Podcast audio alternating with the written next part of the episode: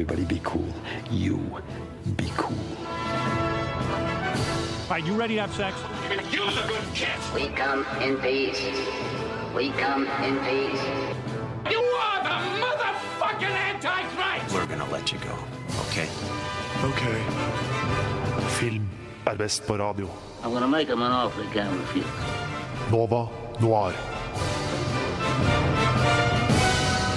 Hei, god torsdag, og velkommen til eh, Nova Noir her på Radio Nova. Det er Radio Novas egne filmprogram. Og jeg er Embla Aaslein, og med meg i studio i dag så har jeg Ludvig Hvitil Hallo. og Lukas Legeti. God dag. Og bak spakene har jeg Ragnhild Bjørlykke. Og i dag så skal vi snakke om filmer eh, vi burde ha sett, eh, men som vi dessverre ikke har sett før nå. Nå har vi sett de, vi skal prate om hva vi syns. Men først så lurer jeg litt på hva dere har sett siden sist. Eh, jeg har brukt veldig mye tid på å se de filmene vi skal se, men jeg var innom på YouTube og fant den der Steamboat Willie. Den der første, aller, aller første Mickey Mouse-kortfilmen. hvor han jobber på sånn dampskip hvor uh, Svarte-Petter er kaptein. Og han blir liksom uh, Han er en sånn misbrukt ansatt, holdt jeg på å si. Det vekker minner.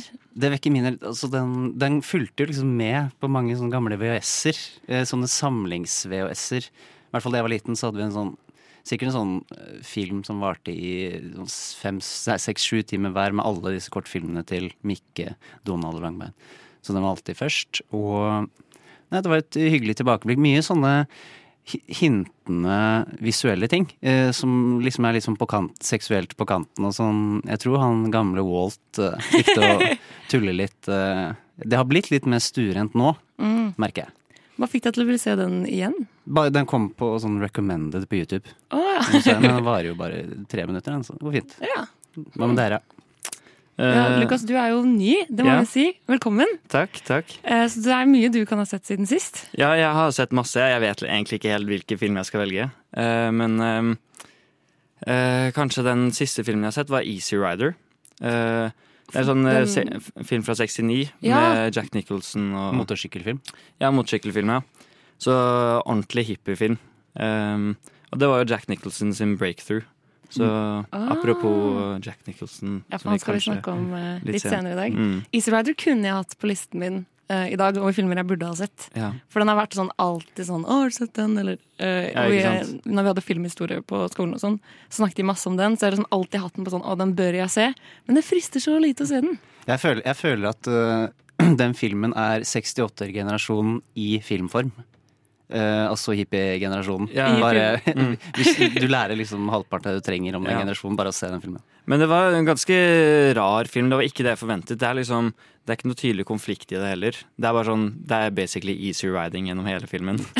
Så det er bare sånn, de går, kjører rundt med motorsykkel og bare prøver å leve De, hippielivet. ja, de var visstnok rusa under produksjon. Ja, okay, ja, Regissøren såpass. og, og crewet Ja, de røyker weed gjennom hele jeg, jeg, jeg, filmen. jeg tror liksom det var easy riding Ja, fullt gøy. ut. Uh, nei, for min del, den filmen jeg Mm. liksom, som har gjort størst inntrykk på meg, som jeg har diskutert hele denne uka, er jo 'Verdens verste menneske'. Mm. Som uh, setter kinorekorder nå over hele Norge. Flere som har sett den i Frankrike enn i Norge, som jeg syns er litt gøy. Uh, altså flere kinogåere. Men Nei, så hvert eneste vors, busstur, lunsj, som bare Jeg, jeg, har, jeg jeg har ikke sett den, og jeg er liksom litt smålei av å prate om den allerede. altså alt har blitt spoila for deg allerede. Nei, jeg har klart å unngå spoilere, men folk Ok. prater om den bare. Bare som Ja. et tema. Mm. Og så ble jeg sånn trass. Der, nå skal jeg i hvert fall ikke se den. Ja, men det er, man er, jeg var også allerede litt lei den før jeg dro og så den. Fordi den har vært så mye snakk om hele sommer osv. Og, så videre. Ja. Eh, og så var jeg litt sånn Uh, Men jeg er veldig glad i Joachim Trier og tenkte jeg kom til å elske den. Og vi diskuterte den på, noen sending, på sending for noen uker siden. Eh, men jeg ble litt skuffa. Og så har jeg liksom eh, skjønt at det er veldig kontroversielt å si. Eh, Men jeg, jeg er samme sted som deg, Mila. Jeg ble også skuffa. ja. Men jeg har ikke sett så mange Joachim Trier-filmer fra før. Men uh... Og det skal vi også komme tilbake til litt senere, når vi snakker om filmer vi burde ha sett før nå. Men først så skal vi høre en liten låt, og det er 'Mandag' av Emil Manda.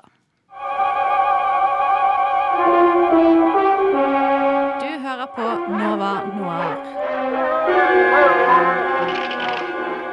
Who do you think you are, anyway? Answer me, or I destroy you. Og da skal vi begynne vårt, uh, vårt tema i dag, som er å snakke om filmer vi burde ha sett, men ikke har sett. Før nå. Og første film ut er 'Midtsommer', og dette var din film, Ludvig. Hva handler den om? Det var det. Uh, All the Rage for to år siden, og jeg gikk glipp av det. Uh, uh, nei, den handler jo om Danny, og, og Danny sammen med kjæresten og noen venner av han skal uh, i et slags sånn skoleprosjekt dra og besøke sin svenske venn igjen, sin slags familie, commune om man vil. Lite sånn lokalsamfunn hvor han kommer fra, og det, det utarter seg jo på en litt annerledes måte enn vi, vi antar.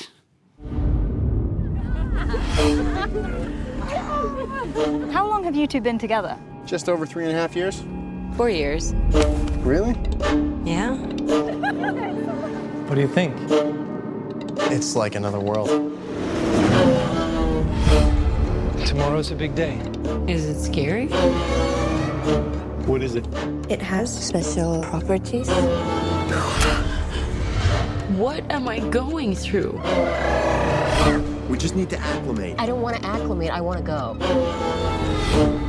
Absolutely not. What's happening? Og, og ting skjer.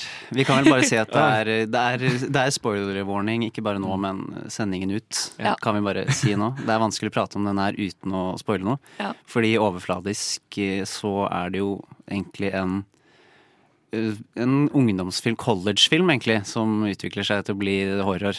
Ja. Og det er noe jeg det likte best ved den, var vel at den eh, dro vekk fra det det Altså de greiene der. Fordi det er veldig sånn drama, college-greier, troper med karakterene. At uh, hovedpersonens søster tar livet sitt i åpne sin, det setter jo en viss sånn Det er ikke komedie. Ja, veldig den- trist. Den eh, er så mørk, den starten. Å, det er helt vilt. fader. Ja, måten hun, eh, søsteren, tar livet sitt på, det er, det er grotesk. Så vi, vi, vi begynner jo her. Uh, så Og så kommer de til dette stedet i Sverige, da, hvor eh, som jeg i hvert fall syns er veldig sektaktig med en gang det starter. Ja. Det gjør vel de fleste. Eller det er en sekt. typ. Ja, ja, jeg, jeg, fikk, jeg fikk liksom ja, er- Dette liker jeg ikke. Og sekter har jeg aldri likt. Altså, sånn, bare, bare å lese om, lese om sekter eller se filmer om sekter. Jeg syns bare hele det konseptet er Det syns jeg er nesten mer sånn nervevrakende enn de, de hva kan man si, visuelle greiene som skjer i filmen der. Fordi øh, det kommer på punkt der Altså den liksom overgangen til fra fra en film til en annen film, holdt jeg på å si. Det er jo når eh, De har jo ritualer, disse, denne kommunen. Og en av de er at når man er 72, er det det? Så Ja, det skal man dø. Da skal man dø liksom ved å kaste seg utfor et fjell. Og det gjør jo et eldre par, da. Og så går hun, begynner kona, rett ned med fjeset først i en stein, og hele ansiktet bare faller av. Så da tenkte jeg ja, nå, nå, nå, er vi her. Nå Ja, er vi her. ja, og derfra blir det jo bare veldig dark. Derf, der, derfra går det, tar det av. Ja. Og grunnen til at jeg ikke hadde sett filmen før, uh, var fordi jeg hadde hørt så veldig mye om den og sett mange av de scenene som kom etterpå. Oh, ja. Så Hvordan da? da ble det Nei, enten blitt vist dem eller øh, bare kommet over dem. Det var veldig vanskelig. Det var en sånn type film som var veldig vanskelig å komme seg unna hvis det Ja. Hvis, øh, og så har liksom horror aldri vært min yndlingssjanger, så det var liksom ikke så viktig for meg å holde spoiler unna, da. Nei, for Det som jeg synes er litt spennende med den filmen, her, er at jeg hater skrekkfilm. Og det skal vi komme tilbake til mange ganger i denne Mm. sendingen. Men det er det verste jeg vet om. Eh, men jeg så denne filmen fordi hypen var så stor. Eh, og presset liksom Alle hadde sett 'Midtsommer'. Hele den sommeren var det alt alle pratet om. Og jeg følte at jeg liksom ville, jeg ville være med på liksom stemningen. Eller jeg ville, jeg ville være en del av gjengen. Mm. Så jeg ble presset til å se denne filmen. Men du motsto det presset da den var Ja, aktuell? ja, press og press. Jeg vet ikke om jeg fikk så mye press. Jeg tror ikke jeg la meg så lett presse, men, men det var jeg, jeg angrer litt også, fordi jeg likte Det jeg likte best med filmen, var at den eh, For jeg har veldig delte meninger om den. Det var at den bare ble bedre, i mitt hode. For jeg liker hvis det først skal være vis visuelt og jævlig, eh, så liker jeg at det skal være jævla fucka, liksom. Og det var det jo. Det ble det jo. Mm. For jeg syns altså tredje akt i filmen er er, kjempe, er kjempebra, og at eh, mer av filmen burde vært sånn. Eh, den kunne kanskje shava litt tid av seg, for den varer i to og en halv time. Mm. Den kunne kanskje vært eh, to 1,40, liksom. altså For det handler jo om oppbygning og suspens, så klart, men det ble liksom litt mye av det.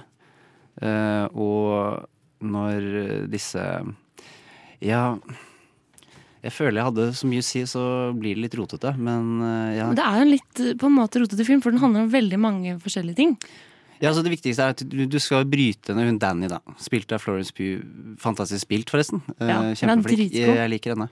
Hun blir jo brutt ned på alle måter. Først med at søsteren dør, og så forholdet som liksom er litt sånn på hell. Ja. Så hun stoler jo liksom ikke på mennesker, så hun blir jo et litt enkel bytte for denne sekten på noen måter, merker man gjennom Ja, hun er jo også i veldig dyp eh, sorg, som vi Mm. ser på den bare ja, på så introen. Det er jo sånn ganske enkel syke. Altså, det er vel sånne mennesker som er veldig lett å, å ta Hva heter det? Ta abuse, på en Ja. måte. Absolutt. Men Lukas, så du den på kino? Eh, nei, jeg brukte også ganske lang tid Eller det tok lang tid før jeg fikk se den. Eh, jeg, jeg så den fordi jeg lagde skrekkfilm selv som bachelorfilm. Og da Ah. var litt sånn Da tenkte jeg da må jeg nesten se den. um, men um, jeg vet ikke, den, den satte inntrykk på meg med tanke på at den er jo jævla mørk. Eh, Ja. sånn I hvert fall starten uh, og slutten. Og det er bare sånn Hele filmen er jo veldig håpløs, på en måte. Jeg synes det er spennende at det, den er så mørk, som jeg sier, men er så utrolig lys. Alt skjer jo i sånn der svensk dagslys, Ja. eh, der det er liksom midnattssol og Jeg Ja, synes ikke Det gjør det enda mer guffent. Ja, at det er så lyst. Men fordi jeg husker at, jeg, at det var sikkert jeg, da, men jeg trodde jo at eh, hele filmen var lys gjennom hele veien. Men jeg føler det er jo litt sånn Den har fått litt mye skryt for at eh, det er vanskelig å skille mellom tid, på en måte, og, eller dag og natt. Men eh, det er, man, jeg føler man Jeg- har tidsoversikt, da. Det hadde jeg i hvert fall. Ja, det synes jeg, jeg, syns, jeg syns det gikk å la seg hele tiden. Ja, ja, samme her. Sånn Hun, hadde, hun har jo sånn to mareritter i løpet av filmen, eller tre Nei, jeg hadde aldri hørt noe om det tids- tidsperspektivet. Det hadde jeg aldri, aldri noe problem med. Kanskje fordi vi lever i en sånn midt, mid, midnattssolland Ja, nå, da. Så. Og skandinavere Men det jeg synes er eh, Det jeg likte veldig godt med denne filmen, i hvert fall, og som jeg gjør jeg føler, Eller jeg føler at det er det som gjør den til en sånn must see-film, og kan passe denne listen, er at eh, jeg syns den gjør horrorsjangeren på en veldig smart måte, som tilfører noe mer. Fordi jeg føler absolutt at dette Ja, det er en sekt og alle disse greiene, men jeg føler at det er en film om sorg. Og hun Danny som på en måte bare er i dette utrolig abusive forholdet og har mistet alt, og så liksom man kan nesten begynne å heie litt på sekten og bli litt sånn radikalisert med Danny. Fordi endelig har hun et sted der hun blir liksom sett og tatt vare på og liksom får klemmer. Og Nei, jeg får helt den stikk motsatte følelsen. Jeg må, jeg må bare komme meg ut derfra. ja, men jeg kan får sånn- skjønne at hun blir radikalisert, hvis du skjønner. Ja, ja, ja, det skjønner jeg. Ja, ja, ja. Og jeg er nesten tilbøyelig til å ikke plassere den filmen her under horrorsjangeren. jeg. Ja. Tross, alle de, tross alt det jævlige man ser, liksom. Mm. Fordi det er eh, på en måte Hva kan man kalle det? Den, den horroren er liksom ikke så out there at uh, dette kunne ha skjedd, og dette er sånn Det er jævlig å si det, men det, dette her er det noen som har gjort i virkeligheten, tror jeg. Sånn som å han derre som eh, som jeg kanskje, Den fæleste scenen for meg, i hvert fall, visuelle, er en karakter som blir satt ut på utstilling inne i et hønsehus ved at Ja. uh, hele baksiden av kroppen hans er dratt Er, er det sånn Angel of Death det heter, eller noe sånt? Ja. Hvor det sånn vikinggreier hvor de river opp uh, ribbeina dine og drar ut lungene, og så henger du etter eh, Det er jo en sånn throwback til, eh, til norrøn mytologi. Ja, ja. Eh, det var den eh, Og da var jeg Da fikk jeg mye blandede følelser for Å, faen, dette er, dette er jævlig. Men også Dette er litt kult. den pakka-delen av meg. var sånn Ok, dette er den filmen. Men hvis jeg skal samle opp det jeg syns, så var det Som jeg sa, jeg syns det er så todelt. For jeg, jeg syns det var så mye dølt der. Jeg syns, syns ja, altså, Spesielt mannlige karakterer. Danny likte jeg, men den karakteren bærte jo på en måte hele filmen. Hun trengte jo alle karakterene rundt seg for å gjøre det hun gjorde.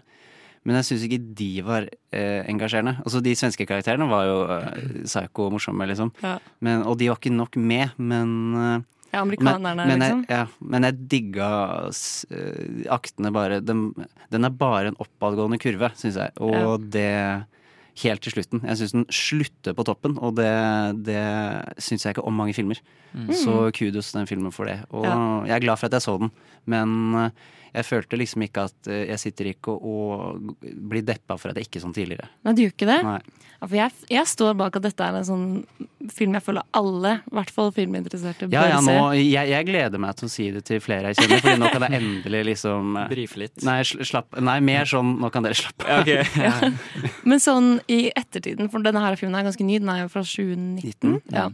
Sånn om 10-20-30-40 år, tror dere dette er en film som vil stå liksom i filmhistorien som en klassiker? Om ti år så tror jeg den holder seg. Ja. Uh, og så i- De er flinke med praktiske effekter her, som jeg syns er mye verre enn enn animasjon. Og eh, praktiske effekter på flere måter holder seg bedre enn dataanimasjon. Ja. For det utvikler seg så jævlig fort at uh, ting som er bra nå, blir dårlig om fem år, liksom. Mm. Men jeg føler sånne praktiske effekter har en litt mer sånn creepy effekt ved seg òg. I, I hvert fall når det kommer til skrekkfilmer. Ja. Eh, når, eller kanskje spoiler, spoiler alert. Men eh, eh, For det er jo noen eh, Hva skal jeg si, det er noen feilfødte der. Um, og så blir han ene Jeg husker ikke helt hva han heter. Han, eh, han som skal lage en, eh, en skoleoppgave da, om Ja, denne Josh. kulten. Ja, Josh. Selvfølgelig heter han Eh, Josh. ja, han, han går inn for å ta bilder av noe hemmelig, da. Og så blir han nedslått. Og så er det noen som har tatt ansiktet til en annen person Åh. over ansiktet sitt. Det er så guffent. Og det er bare sånn Det er sånn skin mask. Det er, det Ja, skin mask, det er ja. kjempeekkelt. Mm. Ja. Men sånn, jeg føler at det er veldig mye ekkelt og gørrete, og sånt, som vi har snakket mye om. Men jeg vil si at jeg føler også at den er ganske dyp. Eller, jeg lærte mye om livet av å se den, føler jeg. Eller sånn, om vestlig kultur. Altså, nå er jo denne svenske sekten også Vesten, men jeg føler bare at de amerikanerne er så kalde og harde og trøster ikke henne. og Hun gråter bare på do og gråter, liksom, holder alt skjult. Og så kommer liksom disse svenskene. jeg føler det er liksom en fin skildring av en annen måte å leve på, selv om liksom den er ekkel og guffen og sånn. Så merker jeg at jeg begynner å tenke sånn, men er det egentlig så ille? Er det så ille sekt? Liksom, de bare gjør ting på en annerledes måte enn oss. Også, ja, ja, ja, man kan tenke sånn, ja. ja. du kan merke deg Men selv altså, bli de tar jo livet av folk, som eksempel de amerikanerne som ikke vil bli tatt livet av. Det var en grunn til at hver og en av de ble drept. Men Ja, ja. Jeg, jeg, jeg, tror nok, jeg tror nok mange sånn seriemordere som føler at de har en grunn. jeg må i hvert si at dette er en film som er verdt å se. Er du enig, Ludvig? Ja, øh, definitivt. Altså, hvis du er sånn horrorhead, så helt definitivt. Ja, for vi skal snakke om flere filmer som vi burde ha sett, men ikke har sett før nå. Men først skal vi høre en liten låt, og det er Verdensrommet siste gang. Er Verdensrommet med Siste gang.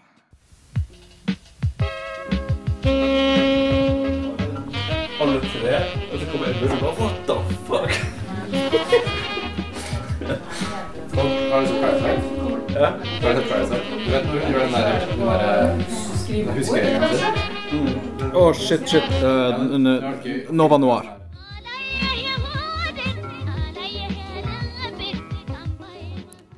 Du hører på Nova Noir her på Radio Nova, og vi holder på å snakke om filmer vi burde ha sett, og som vi nå endelig har sett.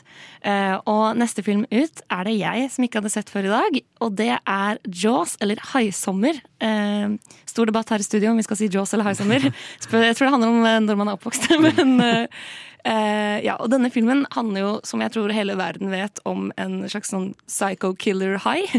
Som driver og dreper masse folk. Egentlig sånn seriemorderen i denne filmen er en hai. Uh, og vi følger politibetjent Brody, mens han prøver liksom å få stengt ned stranda og sånn, men kapitalismen gjør at uh, denne Rett på! At denne byen ikke vil stenge, fordi de vil ikke ødelegge for turismen og sånn. Så de må prøve å fange denne haien uten å stenge stranda, samtidig som flere og flere ofre blir tatt. There is a creature alive today who has survived millions of years of evolution without change, without passion, and without logic. It lives to kill. A mindless eating machine. It will attack and devour anything. It is as if God created the devil and gave him jaws. Haier får kjørt seg i den filmen der. Ja, Altså. fy fader. Jeg var redd for haier fra før. Og nå er jeg så redd. Jeg drev og googlet hvordan man kan beskytte seg mot haier uten våpen og sånn mens jeg så på den. Det er bare å slå dem på nesa. Det er det! Og så- ja, det er faktisk det du skal. Og i, i det derre gjeldende. Men i hvert fall eh, ja, så jeg hadde jo ikke sett Jaws. Eh, Det er jo en klassiker eh, fra 1975. Eh, Og dette er jo en film som jeg føler sånn alle i verden har sett. Og jeg som på en måte filmelsker eh, har alltid syntes det var veldig flaut at jeg ikke har sett den. Eh, Var det eh, horrorhatet ditt, holdt jeg på å si? Ja, men jeg trodde at dette var en barnefilm. Litt. Fordi det er ikke så rart, for estetikken er veldig sånn fargerik, koselig. Og så er det noe med musikken og at den er blitt parodiert så veldig mye Ja. opp igjennom.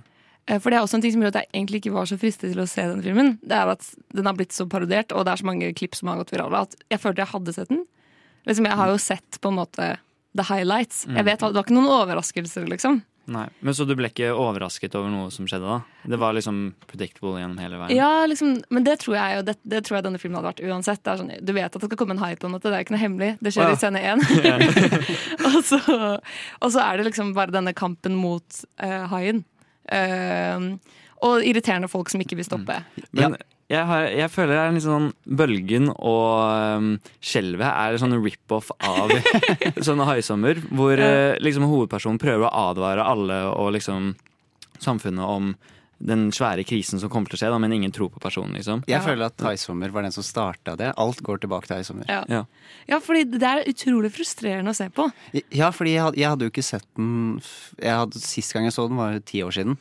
Og jeg, nå, eh, fordi jeg kanskje er blitt eldre og mer sutrete, men nå reagerte jeg mye mer på lokalbefolkningen her. Spesielt han borgermesteren, Han er jo- som liksom skal tjene penger på at stranda må være åpen og sånn. Mm. Men du blir så jævla sur. Ja, Du tjener jo ikke penger på en strand hvor folk dør. Spesielt med at de fort, når, de, når de liksom har fått, fått bevist at det er haifare der, så fortsetter de å holde den der jævla stranda oppe. Ja, jeg vet. Og det er utrolig eh, frustrerende å liksom måtte forholde seg til at liksom alle er sånn Nei, nei, det skjer ikke noe nå. Og så vet du at det skjer, så du sitter bare Og så kommer jo Det er jo ikke hemmelig i filmen heller. Du hører den derre Ja, Og jeg blir sånn Nei! Og så er det jo faktisk eh, veldig drøyt at det er på unger òg. For den, jeg, en, av- en, av de verste, en av de verste dødsscenene er når han der ungen på den flytegreia som bare kommer han opp, og så bare er det sånn eh, rødt mors oppå den der flytegreia når den kommer opp igjen. Men jeg syns det er litt kult at de har turt å gjøre det. Ja, det hadde ikke skjedd men jeg, ja, men det, er det, det er jo New Hollywood, da. Ja. Så de turte å bare gønne på med sånt. Ja, for jeg vet, når, når ting skjer med barn, det er liksom Det er enveisbillett i 18-årsgrense, liksom. Ja. Nå er det, eller enda mer, kanskje nå. For det, Ja, ja. er- det er ikke ofte du ser det, ass. Nei, det Men- var guffent. Ja, men jeg kjenner det alltid sånn kiler i føttene når jeg ser på det. De er i vannet og prøver å klatre seg opp. eh, For eksempel eh, når de skal prøve å liksom fange haien når de står på bryggen, og så får de tak i den, og så bare faller hele bryggen ned. Og så prøver han ene personen å bare komme seg opp Det før haien kommer. Og det er helt forferdelig å se på. Oi, tror du det er, du vet den barneleken Haien kommer? Tror Ja. dere den kommer herfra? Jo, kanskje. At, eh, ja. Kanskje. Fordi jeg drev og googlet haier en del etter det jeg så denne filmen, fordi de er dritskumle. Uh, og da sto det liksom på en sånn hainettside Mm. at eh, eh, de er utrydningstruet nå, og de skylder på Jaws. At Ja, ja, skal- ja, for hai- Haisommer var faktisk med å, å styggelegge haier. Fordi Ja. de er egentlig ikke farlige, og de står ikke for så veldig mange dødsfall på mennesker. Det er ganske lite. Ja, det, er, det er flere kuer uh, som dreper mennesker enn haier i året. Ja, men- ja, det er mye sånn der helt ville sånn statistikker du kan Det er flere i året som slår hodet på dolokk og dør og sånn, enn det er mennesker som blir Og- tatt jeg, er bli på drept av en hai, 100 år eller noe sånt. Ja. Jeg har også hørt at klappstoler dreper flere mennesker enn haier i året. Men uh, det som jeg fant ut i denne filmen For jeg syns det var så rart at alle For jeg trodde at dette skulle skje liksom langt ute på havet, Mm. men det skjer jo på stranda. Og det overrasket meg også litt. Så jeg var sånn, drev og googlet sånn, er det egentlig realistisk. De fleste haidrap skjer i liksom shallow water, altså i grunt vann. Mm. Eh, sånn tre meter fra stranda er der flest blir drept av hai. Ja. Det Det er vel kanskje ikke så, det er vel ikke så vanlig å henge ut langt ut på havet, er det det? Jeg tror det var der Jo, men de jeg som tror for, De finner jo mye mat å spise Mm, i dyphavet òg, da, vil jeg tro. Ja. Men, Men- sånn eh, Men er det ikke en grunn for det, da? At de kommer til uh, the shallow Jo, det, altså, det er jo for det liksom. er der de har flest bytter, da. Ja. Eh, og dette snakker de jo en del om i filmen, og alle haifaktaene de kommer i filmen, er riktig, så det er veldig gøy. Hm. Men eh, så prøvde jeg å liksom tenke litt sånn, handler filmen om noe mer Fordi i haijakten, nesten litt sånn Moby Dick, tar jo litt over. Eh, så det jeg merket når jeg så filmen, var at selv om det var spennende hver gang haien kom, så begynte jeg liksom å kjede meg litt. Eh, fordi det er liksom Ja, OK, de skal ta haien og la, la, la, la, la, men jeg, jeg liksom savnet kanskje noe D- mer. Dette var den der kjempe suspensæraen av Ja. eh, film. Ikke bare i skrekkfilm. Og du sitter og venter, men det, den funker Den er jo helt genial da han kom. Ja. Fordi det er sånn film som eh, Si at du er på kino i 1975. Dette er sånn film som reklamerer seg via sånn rykter og sånn. Ja, ja, ja. dette må, du, dette må du se. Det er bein som blir hogget av, barn som blir spist sånn. Og du kommer ikke til å tro på det før du ser det. type Det er jo genialt. Ja, ja, ja. Og i en tid før sosiale medier og Men det er det, fordi når jeg nå ser den for første gang nå, da, i 2021, så syns jeg det var litt vanskelig å liksom se den Fordi jeg tenkte på det hele tiden. Jeg tenkte, å, dette må ha vært så kult på 70-tallet, og la, la, la. Men om den holder tidens tann når det gjelder liksom, fordi Suspensen er fortsatt kjempebra, og selv om den haien er litt, sånn, litt questionable, fordi det er en sånn metallhai, og man ser det veldig tydelig noen ganger Jeg syns den ser overraskende bra ut. Ja. Ikke men for, Ja, ja, men de, Det er en grunn til at de ikke viser den så mye, Uh, og det er jo at den ikke ser så altfor bra ut. Nei, Eh. på slutten der, når han eh, Når de er på båten eh, Når de er på båten der, det Ja. er liksom det siste slaget. Da. Da, da, da ser du den beveger Den er liksom litt, litt for stiv for et dyr. Men, ja. Da begynner jeg liksom Men det er det. Jeg syns filmen holder seg overraskende bra. Men så kommer du til slutten, som bare er sånn en halvtime med disse tre dudesene som har skikkelig sånn guttastemning på en Ja, det er så koselig. Og driver og synger sånn sjørøversanger og sånn. også det, som, det, er, det er jo han Quint, det er den kuleste karakteren her. Som er han derre sjømannen. Liksom, Ja. har i, start, i, ja, I starten av filmen har liksom lovet at han alene kan gå og ta haien. Men så blir jo Brody og han her eh, eksperten med, da. Ja. Richard Dreyfus sin rolle. Og så det jeg ikke skjønner, er når de tre sitter på båten der og liksom er ute på åpent hav og venter på den haien, at de tør å sitte og bli drita sammen. hva, hva, det skjer, var hva, skjer, hva skjer hvis han kommer Den nå, sangen liksom? er helt genial. Jeg elsker den sangen. Men det, det slutter aldri. For sånn eh, på siste halvtimen så er det bare at de blir angrepet av den haien. De er på den- de er på den båten i evigheter. Og de blir bare angrepet igjen og igjen og igjen. Du får, ikke noe, liksom, du får litt pause at de synger sånn drikkeviser og sånn, men de blir jo bare angrepet. Så stikker haien av, og det er sånn oh, he's gone. Og så kommer den tilbake, ah, nei! Og så liksom kommer den ned, og den bare angriper på nytt og på en litt sånn merkelig historie om noe sånn PTSD fra andre verdenskrig Ja. som han Quint har. Ja, som ja, de skal få med på hvorfor han syns havet liksom er, havet er best, men havet er så kjempeskummelt. Men han Quint er en classic. Og så er det ikke sånn, jeg, jeg fikk ikke sett den, da, men ehm, jeg, jeg syns jeg kan huske den. Det er ikke sånn hvordan Måten de introduserer han er at han klorer Jo. en tavle. Er- Jeg måtte skru av lyden, det var så ekkelt. Men ok, det jeg kan si da, sånn nå i 2021 Og jeg er veldig glad jeg har sett den, og jeg tror absolutt alle burde se den. Mm. Eh, Fordi det er en veldig bra laget film, og man kan lære veldig mye av hvordan man introduserer karakterer, og liksom bare hvordan suspens er gjort. da Jeg føler. Spielberg er jo kongen når det kommer til å liksom Bare måten å bygge en historie på. Ja. Sånn, Å treffe en stor målgruppe, da. Mm. Så det er sånn Han slår på en måte som regel ikke feil, da. Ja. Så jeg vil si at jeg er veldig glad vi tok den på denne sendingen, sånn at jeg endelig ble tvunget til å se den. Fordi selv om man har sett veldig mange memes og klipp og hørt den sangen og sånn, så er det fortsatt dritskummelt. Og jeg satt der og googlet og måtte se bort og liksom Så den holder seg. Men vi skal snakke om flere filmer vi burde ha sett. Eh, Men før det så skal vi høre en liten sang, og det er 'Josefine på ferie' av Venner. Og det var 'Josefine på ferie' av Venner. Er Inglourious Bastards den beste Tarantino-filmen? Nei, det er jo ikke det. Det er ikke det. Det er, er det noen som mener noen av dere det? Nei. Sånn helt Ja. Du mener det? Ja. Film er best på radio. Nova Noir. Ja, film er best på radio, og du er her med Nova Noir på Radio Nova. Og vi snakker om filmer vi burde ha sett, og nå kommer vi til en veldig, eh, veldig skandaløs en. Mm. Eh, Lukas, dette er din, og dette er Oslo 31. august. Uff, hva handler det om? Eh, ja, det er jo en film av Joakim Trier. Selveste Joakim. Eh, og så mm, Den kom ut i 2011. Eh, handler om en nylig rehabilitert mann. Så, og så følger vi han et helt døgn rundt omkring i Oslo. Så prøver han vel å finne meningen med, med livet, da.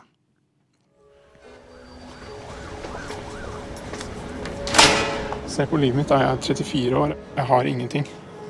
Jeg orker bare ikke å begynne helt på nytt igjen. Jesus. Han prøver å fortelle deg noe personlig, liksom. Og så svarer han med litteraturvitenskap. Du har familie som backer deg opp, du har eh, venner. Du er en smart fyr. Kom igjen, liksom. Det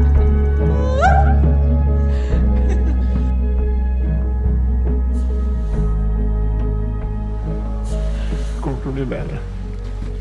Alt kommer til å ordne seg. ja. Litt av en trailer. Ja. Men um, Ja, ja. Hvorfor hadde ikke du sett eh, denne før nå, Lukas? Um, det, er litt, det er litt vanskelig å si, men uh, først og fremst så er jeg ikke så fan av nordisk realisme. Uh, jeg føler det er veldig mye Eller det blir litt, litt for mørkt for min del, da. Og jeg, jeg er veldig glad i å drømme meg vekk når jeg først skal se film.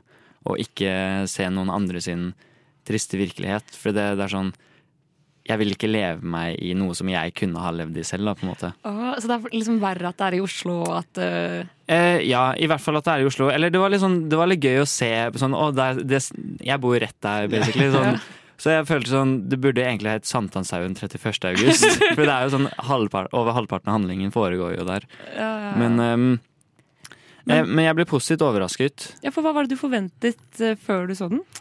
Um, det, altså, jeg visste jo at det skulle handle om ett døgn og en rusmisbruker. Um, Det er jo typ ehm, hele filmen, det. Ja, det er det. Så det er jo, det er jo en veldig flytende film. Um, og det er jo en, det er ikke noe stor ytre konflikt, det er mer en indre konflikt hos hovedkarakteren. Mm. Uh, om man har lyst til å fortsette å leve eller ikke. Mm. Eh, så den er jo ganske mørk, men så catcher den opp med venner og familie. Um, og så ja. Det er jo basically det. Hvorfor ler du, Ludvig? Nei, eh, nei, jeg vet ikke. Det var derfor jeg prøvde å se vekk.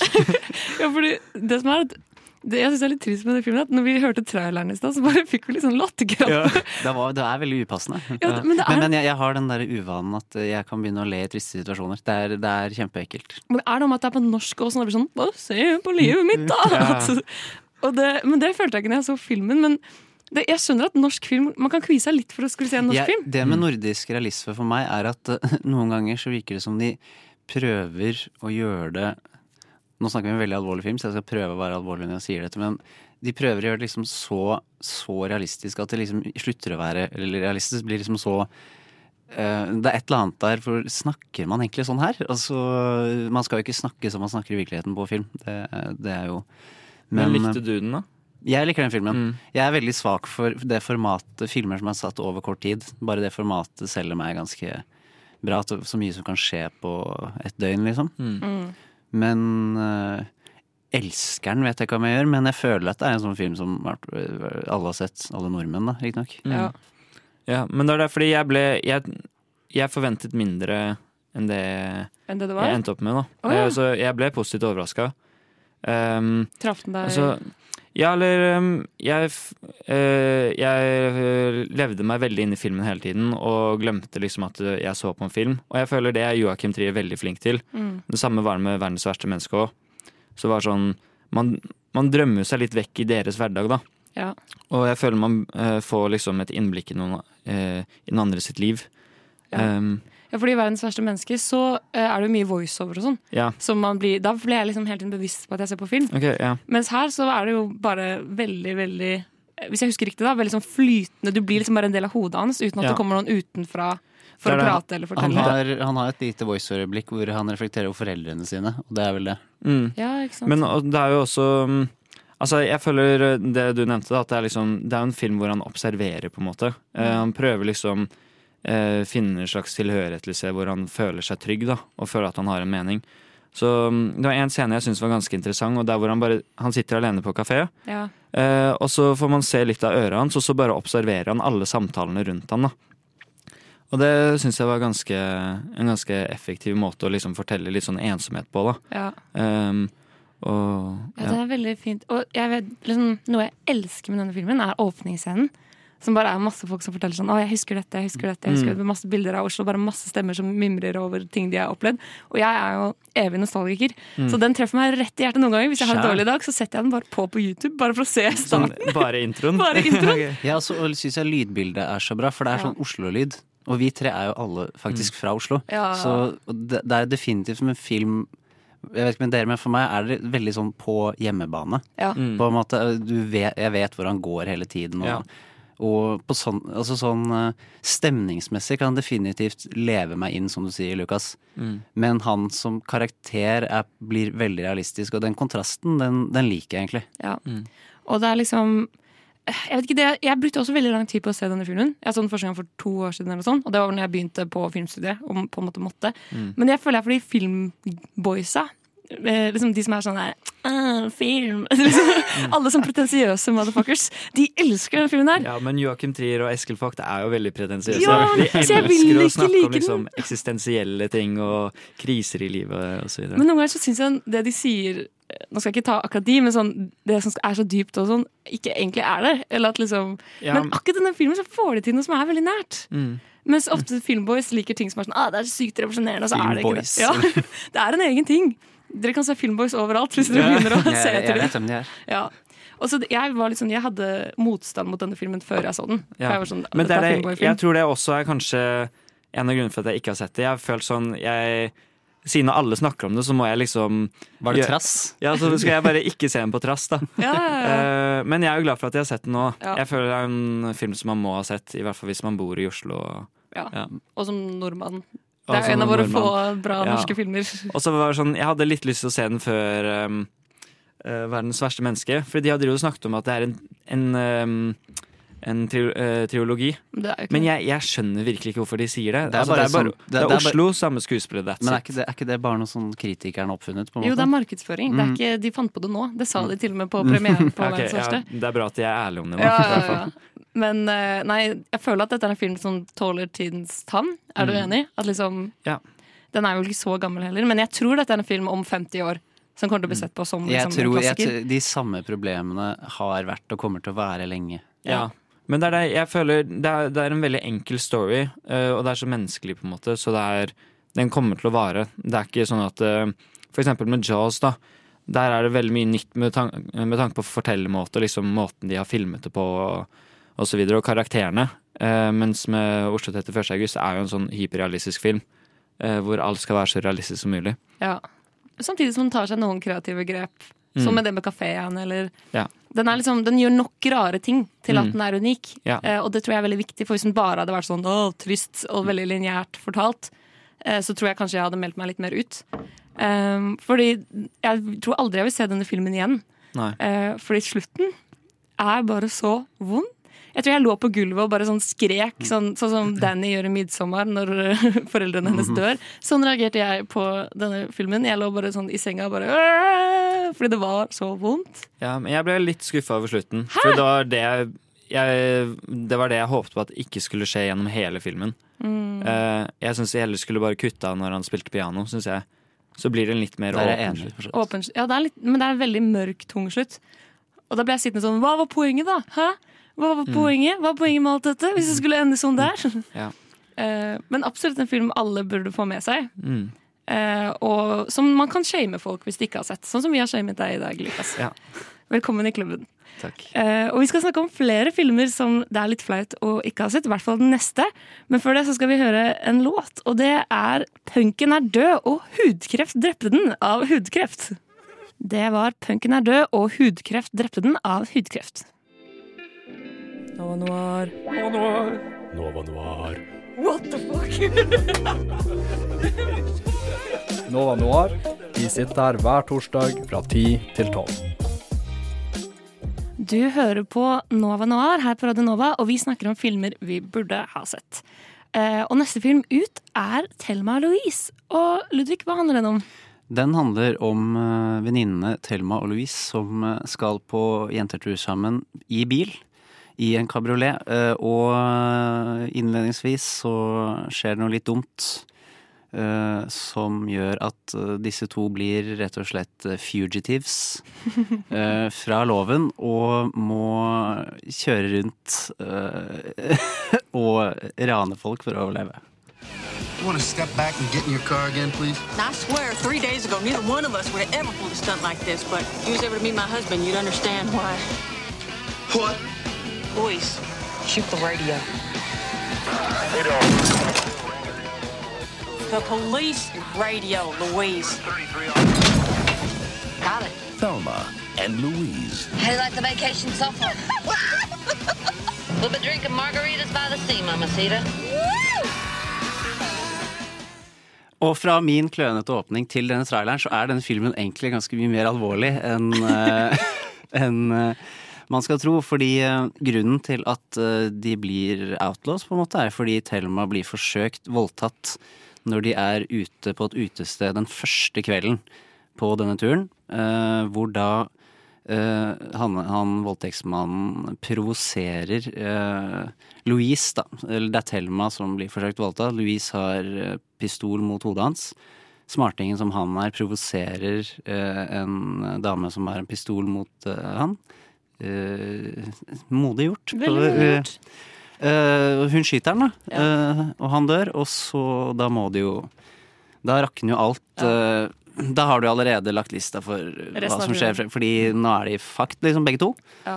Eh, Så da må de egentlig Og det blir jo en sånn roadmovie.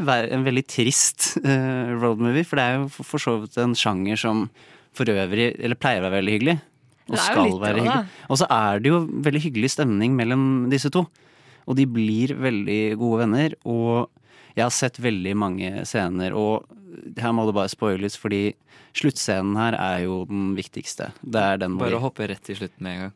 ja, fordi eh, som jeg sa under sangen i stad, så føler jeg dette er nesten en film som kan klippes om til at den siste scenen er den første. Så kan man på en måte se hvordan man havna der. For det er jo den fantastiske scenen hvor politiet har nådd dem, og så kjører de bare utfor Grand Canyon i, i bilen sin. Og i freeze frame. Ferdig. Ja, og så smiler de Ja, mens de dør. Kjempe, kjempelegendarisk scene. Girl power. Ja. Det Visste var, dere 90-tallet var jo en veldig sånn girl power-periode. Den er fra 1991 for så vidt, så det, dette er jo, jeg har jo ingen unnskyldning til å ikke ha sett den. Fordi jeg føler dette her var mye verre film i hermetegn å ikke ha sett enn 'Midsommar'. Ja, det er jeg enig i. Men fordi ingen av dere hadde sett den før denne sendingen, Nei, jeg hadde heller ikke sett den. øh, hva visste dere om den? Visste dere at den slutta sånn og alt sånn? Eller vet du hva, jeg tror jeg har sett den, men jeg tror jeg hadde bare glemt absolutt alt. Fordi den Ja. slutten husker jeg veldig godt. bare. Men det kan jo hende at den bare har blitt mimet, så du visste at den slutta sånn. Nei, men det er veldig mye med det. Også Brad Pitt når han står liksom Ja. i rommet med hun Thelma og så videre. Ja, det er mye som jeg husker. Den men- tidlige Brad Pitt-rollen. Mm. Jeg hadde sett Jeg hadde ikke sett den, men jeg hadde sett så mange scener, så jeg føler liksom at det var en sånn film jeg liksom har kanskje vært i rommet, så har jeg måttet gå av en eller annen grunn. Og så har jeg bare aldri tatt den tilbake. Og jeg var, jeg var så positivt overraska. Og så uh, Det som helt Det jeg ble mest altså, sjokkert over på en god måte, var spesielt Gina Davies som spiller Thelma. Hun, jeg syns hun spiller så bra. Hun har så bra karakterutvikling. Og det er ikke sånn at Susan Sarandon er dårlig heller. Mm. De har en utrolig bra kjemi sammen. Uh, Det er lenge siden jeg har sett liksom to roller eh, spille av hverandre så veldig bra. Ja. Jeg tror grunnen til at jeg syns Gina Dave er hakket bedre akkurat denne den her, er fordi hun, det er hun som har utvikling, på en måte. Hun går fra å være en litt sånn Hun har jo en mann som ikke bryr seg om henne, og så drar hun på tur egentlig uten hans eh, tillatelse, kan man si. Eh, mens uh, Louise Susan Rand hun er liksom allerede etablert som ganske hardbarka, ganske tøff dame. Hun forandrer seg liksom ikke mentalt så mye. eh, Så klart på grunn av situasjonen så gjør hun det, men hun er allerede tøff. Mens eh, Thelma hun blir jo drittøff fra å være liksom en helt brutt ned person til å bli veldig tøff. Mm. Så det er en kjempebra karakterutvikling. Det er det, fordi jeg, det er kanskje noe av det jeg ble eh, veldig positivt overraska over, og det er spillet.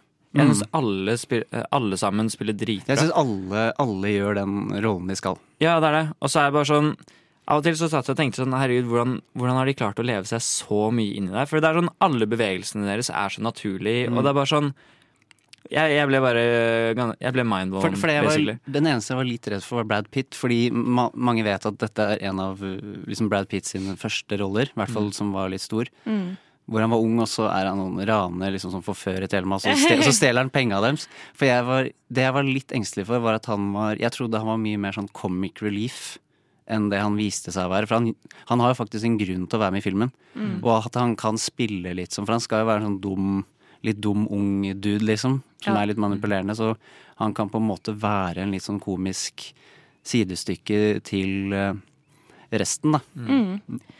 Ja. Jeg føler det var egentlig ganske mye humor i den filmen her. Mm. den er Eh, kjempemorsom. Ja, og det er sånn Jeg, jeg selv om eh, han var en helt forferdelig karakter, men så jeg bare digger karakteren eh, mannen til uh, Ja, han Christopher McDonald. som- Ja, som han alltid- spiller så bra, syns jeg. Ja, jeg han, bare han, lo. han, spiller, han spiller alltid sånn ek ekle dudes. Ja, han nailer det, i hvert fall. Det gjør det. Men er det en grunn til at dere ikke har sett filmen før nå? Kviet dere litt for å se den, eller? Nei, jeg har, det er det jeg prøvde å tenke på. Jeg har tenkt på det i flere dager nå. Sånn, jeg har, det er ingen grunn. Det er liksom, jeg, må, jeg må liksom bare ta meg selv eh, der. For, for, eksempel med, med 'Midsommer' så var jeg, var jeg kanskje litt trass uten egentlig ville innrømme det. Mm. Uh, men denne her var Og nå er jeg egentlig bare enda mer sur på meg selv, for jeg likte den så veldig godt. Det er ting som funker her. Og Mm. igjen med kjemien der, Du glemmer nesten at de to er på flukt. Ja. For sånn, de, Noen ganger så er det sånne lange scener hvor de er i bilen og liksom bare har veldig naturlig prat om, om det og det, og så øh, litt brisende når de kjører, så ikke lær av dem. Men, men alt er hyggelig, og så, og så kommer du på bare øh, Så klipper de ut til Harvey Keitel, og sånn, som er denne politimannen. Plutselig Å ja, de, de er jo faktisk på flukt, politiet er etter dem. så du ønsker kanskje litt at dette skulle være en hyggelig film, da. Men hva føler dere er liksom budskapet?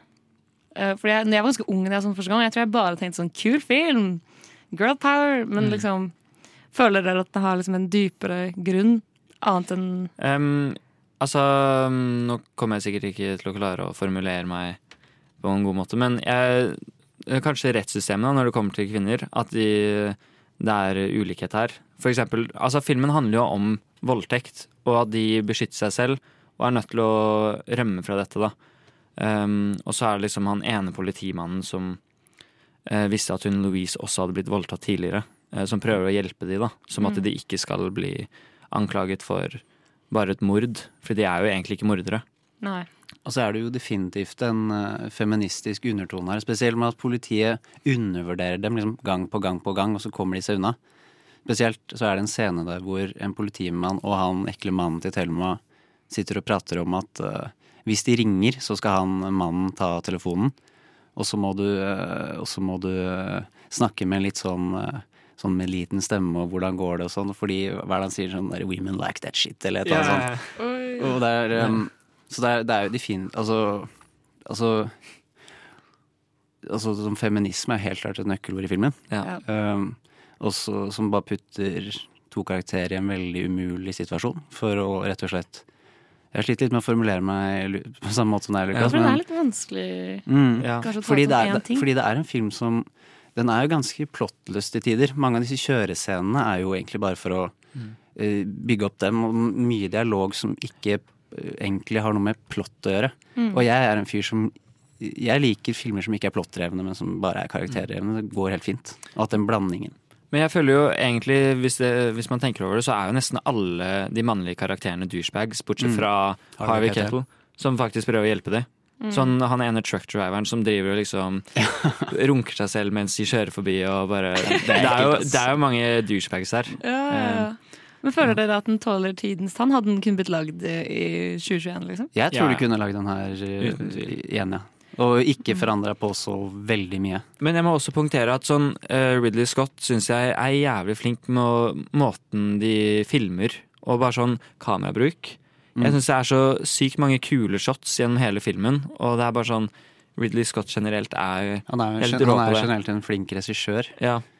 Selv om, ja, for han er jo øh, mer kjent for litt mer øh, grandiøse ting enn dette her. Mm. Så det er morsomt å se han øh, i litt mer sånn Lage noe litt mer menneskelig, kan man kalle det. da. Mm.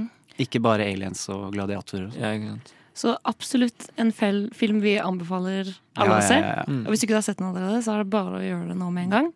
Eh, vi skal fortsette å snakke om filmer vi er litt flaue over å ikke ha sett. Men før det skal vi få en liten anmeldelse. Ina har nemlig vært øh, og sett den nye filmen Lille mamma. Og hun skal fortelle oss hvordan den er. Men først skal vi høre en låt. Det var Polardegos Helgar Antisocial Rejects med Helt Nazi. Og nå er vi drøye! wow, wow, wow. Og så er det sånn, men dere er jo egentlig ikke det. Nova Noir. Du hører på Nova Noir her på Radio Nova, og nå har vi fått besøk i studio av Ina Sletten. Hei, hei. Hallo! Du har vært på kino. Det har jeg. Hva har du Eh, sett? Jeg har sett eh, Petite Mammaen, eh, eller Lille mamma, eh, som den også heter på norsk. Den handler om eh, Nelly. Eh, Bestemoren hennes har nettopp dødd, eh, så da skal åtteåringen hjelpe foreldrene sine med å pakke ut av huset hennes. Det er også morens barndomshjem, og Nelly får utforske de samme gangene og skogene som moren gjorde på samme alder.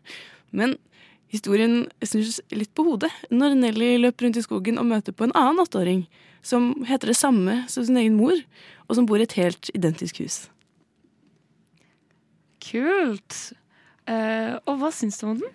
Uh, det som er uh, greia med Lille mamma, er at den er Jeg liker å kalle den som en, eh, for en høstklem, på en måte. For jeg syns den eh, innebærer alle de tingene eh, som jeg trenger på en god høstdag. Den skjer for det første også på høsten. Så Nelly går liksom rundt i Hun går i, snekkerbukser og store ullgensere og, og gummistøvler ute i skogen, og det er fine, varme farger. Og generelt hele filmen er veldig gul og oransje og er veldig beroligende i seg selv. Den er veldig sånn eh, Jeg vet ikke om dere har sett eh, Det er jo da eh, Celine Sciamma sin, som er regissør. Det er hun som har laget 'Portrett av en kvinne i flammer'. Den kom jo ganske høyt opp på vår topp ti-liste i fjor. Må litt eh, uenige meninger om, om den, da. Eh, jeg er kanskje på laget som ikke syns at den var det råeste som skjedde i 2021. 2020. Men um, den her var en, en helt annen opplevelse. Jeg ble helt uh, trollbundet. Det er et veldig sånn eventyraktig um, film hvor det er dette barnet, men så er du på en måte Det er jo dette litt overnaturlige uh, aspektet som hele tiden uh, henger over historien. Som gir, gjør en sånn litt ubehagelig følelse. Jeg sitter liksom og venter på at noe, noe dumt eller noe, noe farlig skal skje. Um, så den holder samtidig som den er utrolig koselig, så er den også veldig um, Ja, eh, veldig litt sånn anspent uh, på en eller annen måte. Er det på en måte en litt sånn nostalgisk film? Eh, ekstremt nostalgisk. Eh, og for, for Og nå har det vært mye sånn nostalgiske filmer for liksom de som er litt eldre enn meg, på en måte, føler jeg. Eh, sånn eh, tidlig 90-tallet eller sent 80-tallet type barn. Men jeg følte at denne traff meg veldig hardt, eh, som et 1997-barn. At det, eh, hun Ikke nødvendigvis at det skjer på den tiden, eh, men jeg følte at eh, tingene de gjør For eksempel så drikker de O'boy. og eller koker liksom varm melk på komfyren og drikker liksom varm kakao sammen. De løper rundt i skogen. Den er også veldig universell på det de løper rundt i skogen, lager fort. Eh, liksom tre, trehytte. Eh, og, er, og driver også med eh, detektivarbeid. Eller de leker sånn eh, whodunit eh, med hverandre. Eh, og den er Jeg ble bare veldig glad av å se den. Jeg lo veldig mye. Eh, ja, Den varmet meg. Men er hele filmen på en måte de som bare leker i denne skogen? På en måte. Eh, det er noen sånne underliggende elementer som jeg ikke har lyst til å gå så veldig dypt inn på. Men eh, både liksom med moren og hennes egen barndom, eh, hvordan hun opplevde sin egen mor, og da Nellis bestemor, Um, som også er veldig, veldig treffende. Men det som er utrolig den er så utrolig destillert, da, filmen. Den varer en time og et kvarter. Den er kort og konsis, men jeg skulle ikke hatt den på noen annen måte. Jeg ser ikke for meg at jeg kunne at det er noe annet jeg skulle ønske var annerledes. Jeg skulle ikke hatt noe mer av noe annet, eller at noe annet skulle vært borte. Den er på en måte fullkommen, på en eller annen måte. Eh, Den gir meg akkurat nok til at jeg sitter og tenker på den etterpå. Jeg lurer på hva som har skjedd med de julekarakterene, jeg lurer på hva som skjer fremover. Um, Men jeg skulle heller ikke blitt overeksponert av eh, historiene eller, eller følelsene deres. Ja, for jeg føler at dette er en film som kom litt fra blå himmel. Eh, Jeg så den på pressevisning og så var jeg sånn, å ja, kommer hun med ny film allerede? At jeg følte Den var litt sånn, den har ikke blitt så på en måte, voldsomt snakket om i forkant. Eh, Men tror du dette er en av de filmene som kommer til å liksom markere seg i år? Jeg håper det. Eh, Jeg har liksom også hørt eh, fra noen filmpodcaster som har nevnt eh, Petit Maman et par ganger. Og så er hun jo blitt en veldig sånn anerkjent regissør etter 'Portrett av en kvinne i flammer'. Mm, så jeg håper det. I tillegg så håper jeg at folk legger merke til den pga. det utrolig kule samspillet mellom Nelly og eh, Marion, natt som hun møter i skogen. For de er jo, viser seg å være søsken i virkeligheten. De er tvillinger. Um, Og skuespillerne? Skuespillerne. Eh, så de har en de, Jeg visste ikke det i forkant, men når jeg så den, så har de en sånn utrolig nærhet, de to, og, og ler så hjertelig sammen, eh, som åtteåringer gjør. Eh, og det i seg selv var bare veldig sånn ja, det er en god film, liksom. Det er skikkelig hyggelig. Jeg blir, helt sånn, ja, jeg blir bare glad av å se den. Så koselig. Nå gleder jeg meg til å komme her på kino. Eh, hva ville du den, da? Det er det, sånn, jeg føler det blir så dumt, men jeg kan ikke gi noe annet enn ti av ti. jeg føler det. Wow! Jeg tror det er min første ti av ti i min noir-historie. Men eh, Wow. igjen, jeg føler ikke at det er noe annet. Det var no, ingenting jeg var Ja, med. men det hørtes misfornøyd ikke med. ut som du, du hadde noe vondt å komme med, da. Så. Jeg har ikke Det det. Jeg føler meg så sykt dum Nei. ikke har noe negativt å si. Men det kan jo være en perfekt film, da. Jeg syns det, ass. Oi, oi, oi. Jeg synes det, er- det er en vil slå et slag for eh, kortere filmer. de setter, de setter seg hardere. Ja, men det må ikke jeg være syns du to skal timer. stå, stå på dette her, Ina. Ja, takk Ludvig. Jeg setter pris på eh, din støtte. Jeg syns ikke alle filmer skal vare to og en halv time. Nei, jeg er enig. jeg er enig. Ok, men du hørte det her først. Petit mamma, ti av ti. Vi gleder oss til å dra på kino. Takk for anmeldelse, Ina. Takk, takk selv. Eh, vi skal fortsette å snakke om filmer vi burde ha sett, eh, som vi nå endelig har sett. Men før det så skal vi høre en liten låt. Det var Marianne Engebretsen med 'Light As The Moon'. Du Du Du hø hø hører På- på Radio Nova. Ja, og da skal vi fortsette å snakke om filmer vi er litt eh, flau over, eller burde ha sett tidligere, da. Eh, og den som kommer nå, er kanskje den minst kommersielle, eller den minst obvious at vi har på denne lista. Ja. Eh, og det er Romeo og Julie. Mm. Hva handler den om, eh, Lukas? Um, ja, det handler jo om Romeo og Julie, da. Bare at det har blitt satt i en litt mer moderne tid, i Verona Beach. Um, og så Ja, jeg vet ikke helt om jeg trenger å forklare Romeo og Julie. De fleste kjenner til det. At det handler om to stridende familier hvor Romeo og Julie blir forelsket. Så det er basically forbudt kjærlighet. In fair Verona, where we lay our scene, two households, both alike in dignity. Throw your mistempered weapons to the ground! From forth the fatal loins of these two foes, where civil blood makes civil hands unclean, a pair of star-crossed lovers take their life. Who is it that you love? Gentle Romeo, if thou dost love, pronounce it faithfully. My heart's dear love is set on the fair daughter of rich Capulet. Yes, traileren. Og som de fleste kanskje Var det skjønte- actionfilm, eller var det pornofilm? Hva er det porno? Det er 1996. 1996, ja. Ja. Av Bas Lurman. Eller Eh, Baz Luhrmann, eller hvor man Og det er viktig å si, fordi Lukas holdt på å se feil versjon. 2014-versjon. Den er ikke like Men- verdt å se. Nei. Men uh, altså, den filmen her er jo så ekstremt postmodernistisk at, uh, at det ikke går an, liksom. Ja, det er vondt Eh, i øynene, nesten. ja, men det er jo sånn, de blander så ekstremt mellom Altså, de har jo brukt den originale dialogen til Shakespeare. eh, Med, eh, med liksom eh, 1600-talls engelsk, liksom. Ja, ja. Eh, så det er liksom eh, Det er det med liksom det moderne, og måten alt er liksom filmet og klippet på, er liksom helt kaotisk. Eh, Helt kaotisk. men det er, men eh, jeg fikk litt sånn City of Gods-følelse. måten det er filmet på. Jeg liker City of Gods veldig godt. Mens jeg ble litt eh, jeg ble, Eller jeg må si jeg ble ganske skuffet over Romeo og Julie. Ok, men først, fordi ingen av dere hadde sett denne filmen. Nei. Hva forventet dere? Forventet dere det den er? Jeg, jeg forventet eh, Jeg visste ingenting. Jeg visste bare at det handlet om Romeo og Julie. Og jeg visste ikke at det var satt i en moderne tid før i går, da jeg fant ut at jeg klippet feil trailer. um, så jeg, jeg, ble tenkt, jeg ble først gira da jeg fant ut av det, at det var en moderne rom i Julie, men så ble jeg skuffa underveis. da Men jeg syns det tok seg opp mot slutten.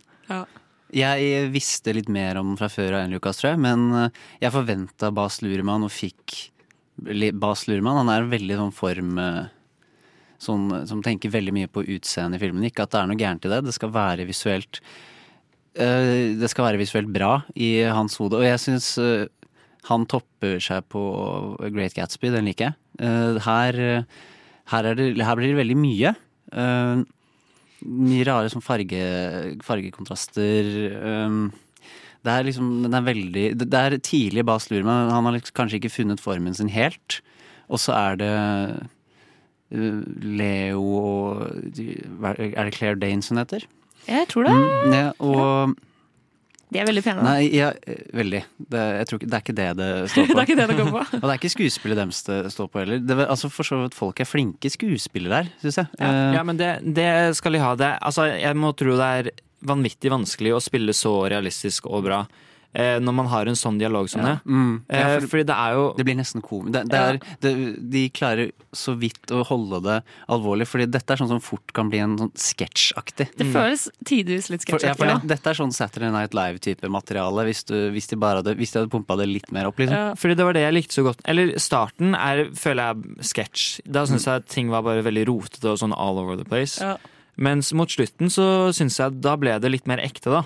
Og da glemte jeg litt dialogen, sånn at de snakker på en veldig sånn gammeldags måte. Sånn oh, th thigh og bare Sånn helt i starten. Og det morsomme er at de er jo kledd liksom, De har pistoler og ikke sverd, og de er jo kledd i sånn hawaiiskjorter og sånn. Mm. Og så går de på stranda sånn Where are they, my cousin? og så klarer de liksom ikke helt å vibe. Det ble nesten norrønt, det. Men, ehm, ja, det, men jeg ehm, Jeg vet ikke. Jeg føler altså Romeo og Julie, eh, den versjonen som vi snakker om nå, kunne ha vært en litt mer sånn episk fortelling. Eh, Mm. Men jeg syns det ble litt eh, ødelagt på grunn av litt sånn Ja, det blir litt for postmodernistisk, da. Eh, Men ja. jeg skjønner Ja, fordi nå i 2021 så er det kanskje litt sånn eh, vanskelig å skjønne hypen. For den er jo, det er jo derfor den er på lista vår i dag. Og det er en veldig hypa skjønner, film. jeg skjønner hypen, spesielt da den kom, og det er sånn film som man hører folk prate om med jevne mellomrom. Men eh, jeg følte meg aldri sånn fristet til å se den. For det første så er jeg ikke sånn mega Shakespeare-type, og så vet jeg liksom eh, I hvert fall de stykkene som er såpass kjente, vet jeg liksom hvordan går. Mm. Så det er på en måte veldig Det er et veldig kompetitivt stykke å lage. Ja. Og at den ikke bare forsvinner blant resten. Og det gjør ikke denne her. Men- Fordi nå har jeg begynt å tenke Hvis jeg tenker Når jeg tenker Romeo og Julie på film, så er, en av, så er dette den første eller en av de første jeg kommer på. Og så selv jeg ikke hadde sett den. Ja. Så den har jo satt et inntrykk, da. Og den eh, scenen i bassenget, der de kysser i bassenget under vann, Mm. den er jo på en måte blitt en av de mest kjente kyssescenene i hele verden. Som Mm. blir, altså Skam har gjort en hommage til den. Det blir- gjøres jo hommage til den scenen hele tiden. ja, det har ikke jeg fått med meg. Har du ikke det? Når folk kysser under vann til episk musikk, så er det som Ja, det regel var en Romeo det og var vel Julie. som startet. Ja. I hvert fall De populariserte det. Ja. Ja. Og det med når han titter gjennom eh, Mm. Ja, på var henne på bilde. Ja, den, akvariet. den husker, det er den jeg husker best når de ser Ja. hverandre første gang. Det er, vel, det er vel den scenen jeg har sett mest fra en film der. Det er vel en av de scenene som jeg liksom ufrivillig har sett Ja. i, i mitt liv, liksom. Den, jeg tror den scenen Eller det, det jeg husker best, er den sluttscenen hvor de ligger eh, ved siden av hverandre og har tatt livet, livet Mm. sitt. da Mm. Det var Spoiler! Ja, men- ja spoiler, ja. Men det er slitsomt med Romeo og Julie òg, Fordi du vet jo veldig godt hva som skjer Mm. Ja. i Men det, er det, men det er derfor jeg føler, føler at det liksom sånn det er, en, det er en historie som fungerer på et vis. Fordi det er sånn det er eh, det uunngåelige som skjer. Um, men uh, jeg syns det er kult at de har eksperimentert så mye som de har gjort. Um, men jeg føler det ble bare litt for ekstremt. Og jeg er egentlig en veldig sucker for at man blander det nye med det gamle. Eh, men her bare Jeg vet ikke. Det var, at det var litt rotete. Bas Lurman er en sånn fyr som Han tiltrekker seg helt klart et visst publikum. Mm. Fordi det er veldig mange som Jeg tror han har en veldig lojal fanskare. Ja. Som elsker, elsker dette her. Jeg er, jeg er liksom på midten jeg med han. Jeg er ikke sånn som har sånn kjempesterke meninger om Mm. øh, Men det er helt klart mye. Det er hyperaktiv film, måte å lage film på. Det er Eh, helt- Den står jo i helt kontrast til Oslo 31. august, Ja, som vi pratet om i stad. Den her er jo over the top alt mulig. Men jeg syns eh, jeg, På et punkt så ga jeg opp og på en måte skulle bli rørt. Ja. Eller i stedet bare tenkte jeg liksom så lættis som det vers. Og med en gang jeg klarte å liksom tenke det, så var den veldig gøy underholdende. Mm. For da liksom bare plutselig er det sånn helikoptre som skyter de, og presten har sånn svært tatovering av et kors på ryggen, og det er bare så random alt som skjer. Fordi Men det det er som- derfor ja, Sorry, skal du kjøre på, Rødik? For det som er med sånne, når man bruker sånne kjente historier som alle kan, som, eh, som Lukas nevnte i stad, så da må man, eller må ikke, men da kan man rom til å gjøre sånn her. For du må liksom du må sjokkere med det visuelle. Du må vise noe nytt der, for du kommer ikke til å imponere noen med historiefortellingen. Ja. Men det er det, selv om jeg ikke var så overbegeistret da jeg så den, så er jeg veldig glad for at jeg har sett den. Mm. Um, fordi jeg, jeg syns jo de har gjort ganske mye kult. For eksempel det med pressen som har en svær tatovering på ryggen. Og, Ja. og så er det bare sånn Det er dritkul design på pistolen, og det er bare sånn Estetikken er dritkul, syns jeg, fra før. Ja. Um, det er liksom noe med en litt sånn latinsk For det er, skal jo en, Jeg tror det er filmet i Mexico et sted. Det er Ja. filmet i Mexico, ja. Ja. Um, så man får litt sånn uh, latin-vibes, eller bare sånn Ja, jeg syns det er ganske mye kul estetikk der. Ja, og jeg elsker de to gjengene. Ja. At uh, de ene bare er sånn uh, surfer-dudes. Ja, ja. Det er liksom ikke skjold og sverd og sånn. Det er liksom sånn pistoler og spike-hår og hawaiiskjorter. Og når de driver og slåss og sånn. Jeg syns det det, var så gøy. Ja, men det syns jeg ble nesten litt slitsomt, fordi folk bare skriker i hytt og pine. Og klippingen, de klipper altfor fort, så man får ikke med seg ting. Uh, og så er det sånn eh, man, skal jo, man blir jo introdusert til hvem de ulike karakterene er, med tekst. Men jeg får jo ikke med meg teksten Ja, det siden det blir klippet så fort. Og, så jeg bare ble litt kastet av der. Men det er introen, så man blir på en måte kastet av i introen. Men, ja, eh, men, altså- det, er, men det, er det, det er derfor det er så viktig å ikke bli kasta for introen. For hvis ikke så henger man ikke med senere. Ja, Problemet med de tekstgreiene at de liksom kommer litt for tidlig. For jeg Ja. vet ikke helt hvem de er. Ja, jeg skulle ønske at det kom sånn igjen midten, i midten av filmen. Sånn dette er At de minnet deg på det. Ja, ja. Sånn der reminder Ja. Det hadde vært veldig gøy. Det kunne passet i dette universet Ja, det er det. En sånn notification sånn øverst i hjørnet. Veldig leken film, og jeg skjønner veldig godt at det har blitt en uh, kultklassiker. Mm. Eh, ville dere anbefalt andre å se den? Jeg, jeg kjenner Altså, de jeg kjenner som liker det her, har jo sett den. Eh, Men definitivt det er, jo så, det er jo definitivt en film for noen. Mm. Jeg føler det kommer litt an på hvem jeg anbefaler filmen til. Er det noen som er veldig glad i film, så da hadde jeg uten tvil anbefalt den. Men om det er liksom foreldrene mine eller noe, så hadde jeg ikke gjort det. Jeg tror man må være litt sånn Twin Peaks, eh, på en måte postmoderne Tarantino-mindset når du skal se den, og ikke tenke at du skal se noe som gir mening. Ja, men det er det. jeg er jo ekstrem fan av Tarantino. eh, og det digger jo alle filmene hans. Men det her hitta meg ikke så mye. Så jeg føler det er sånn Det er jo kanskje på den ekstreme siden av postmodernismen, da. Ja. Så, Ja, jeg ligger på en sånn medium pluss her, men den stadfester litt også hvorfor jeg syns 90-tallet er en av de kuleste filmtiårene vi har. Mm. Ja. For det, det, det skjedde mye, mye morsomt da, altså. Ja, Thelma og Louise også er jo på en måte litt over the top. Det skjer jo Mm. bare crazy. Altså, det var veldig sånn Morris Moore-æra. Mm. Men det er jo litt lik stil, eh, som i hvert fall måten er filmet da, og estetikken. At det er litt sånn eh, hva heter det, sånn anakronisme. Ja. Hvor man Mm. ikke klarer å skille mellom ulike tidsperioder. Ja, ja, ja. Eller, Er eller, eller, med, eller med vilje plasserer det Gjør ting som er feil og sånn. Ja, Ja, ja, ja. Absolutt. Men eh, jeg vil i hvert fall si at det er en film som er eh, verdt å se. Ja. Og vi skal snakke om en siste film her i dag, men før det så skal vi høre Hey La av Queen. Det var Hey La med Queen. Jeg har egentlig sagt det, men jeg kan si det en gang til. Radio Nova. DAB og nettradio. På radionova.no. Jeg har egentlig sagt det, men jeg kan si det en gang til. Radio Nova. Ja, du hører på Nova Noir her på Radio Nova, og i dag så snakker vi om filmer vi burde ha sett. Og den siste filmen vi skal gå gjennom i dag, er min film. Den hadde jeg ikke sett før i går, med god grunn, og det er The Shining. Eh, og The Shining, for de som ikke vet det, handler om eh, en familie på tre som skal bo på et hotell for å ta vare på det gjennom vinteren. Eh, faren er forfatter, han skal skrive der, og de skal liksom være sånn gate, nei, gatekeepers. Ja, Overlookers. housekeeper. Housekeeper på dette hotellet. Men så er det rare krefter og ting som skjer. Is there something bad here? I fear you will have to deal with this matter in the harshest possible way. I agreed that I, I killed you and Danny. You did this to me. Didn't you? I'm not gonna hurt you. I'm just gonna bash your brains.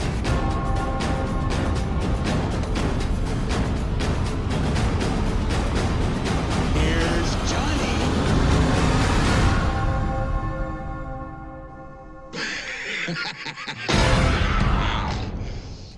Ja, det var jo bare riktig å slutte med litt skummel film, nå som det snart er halloween.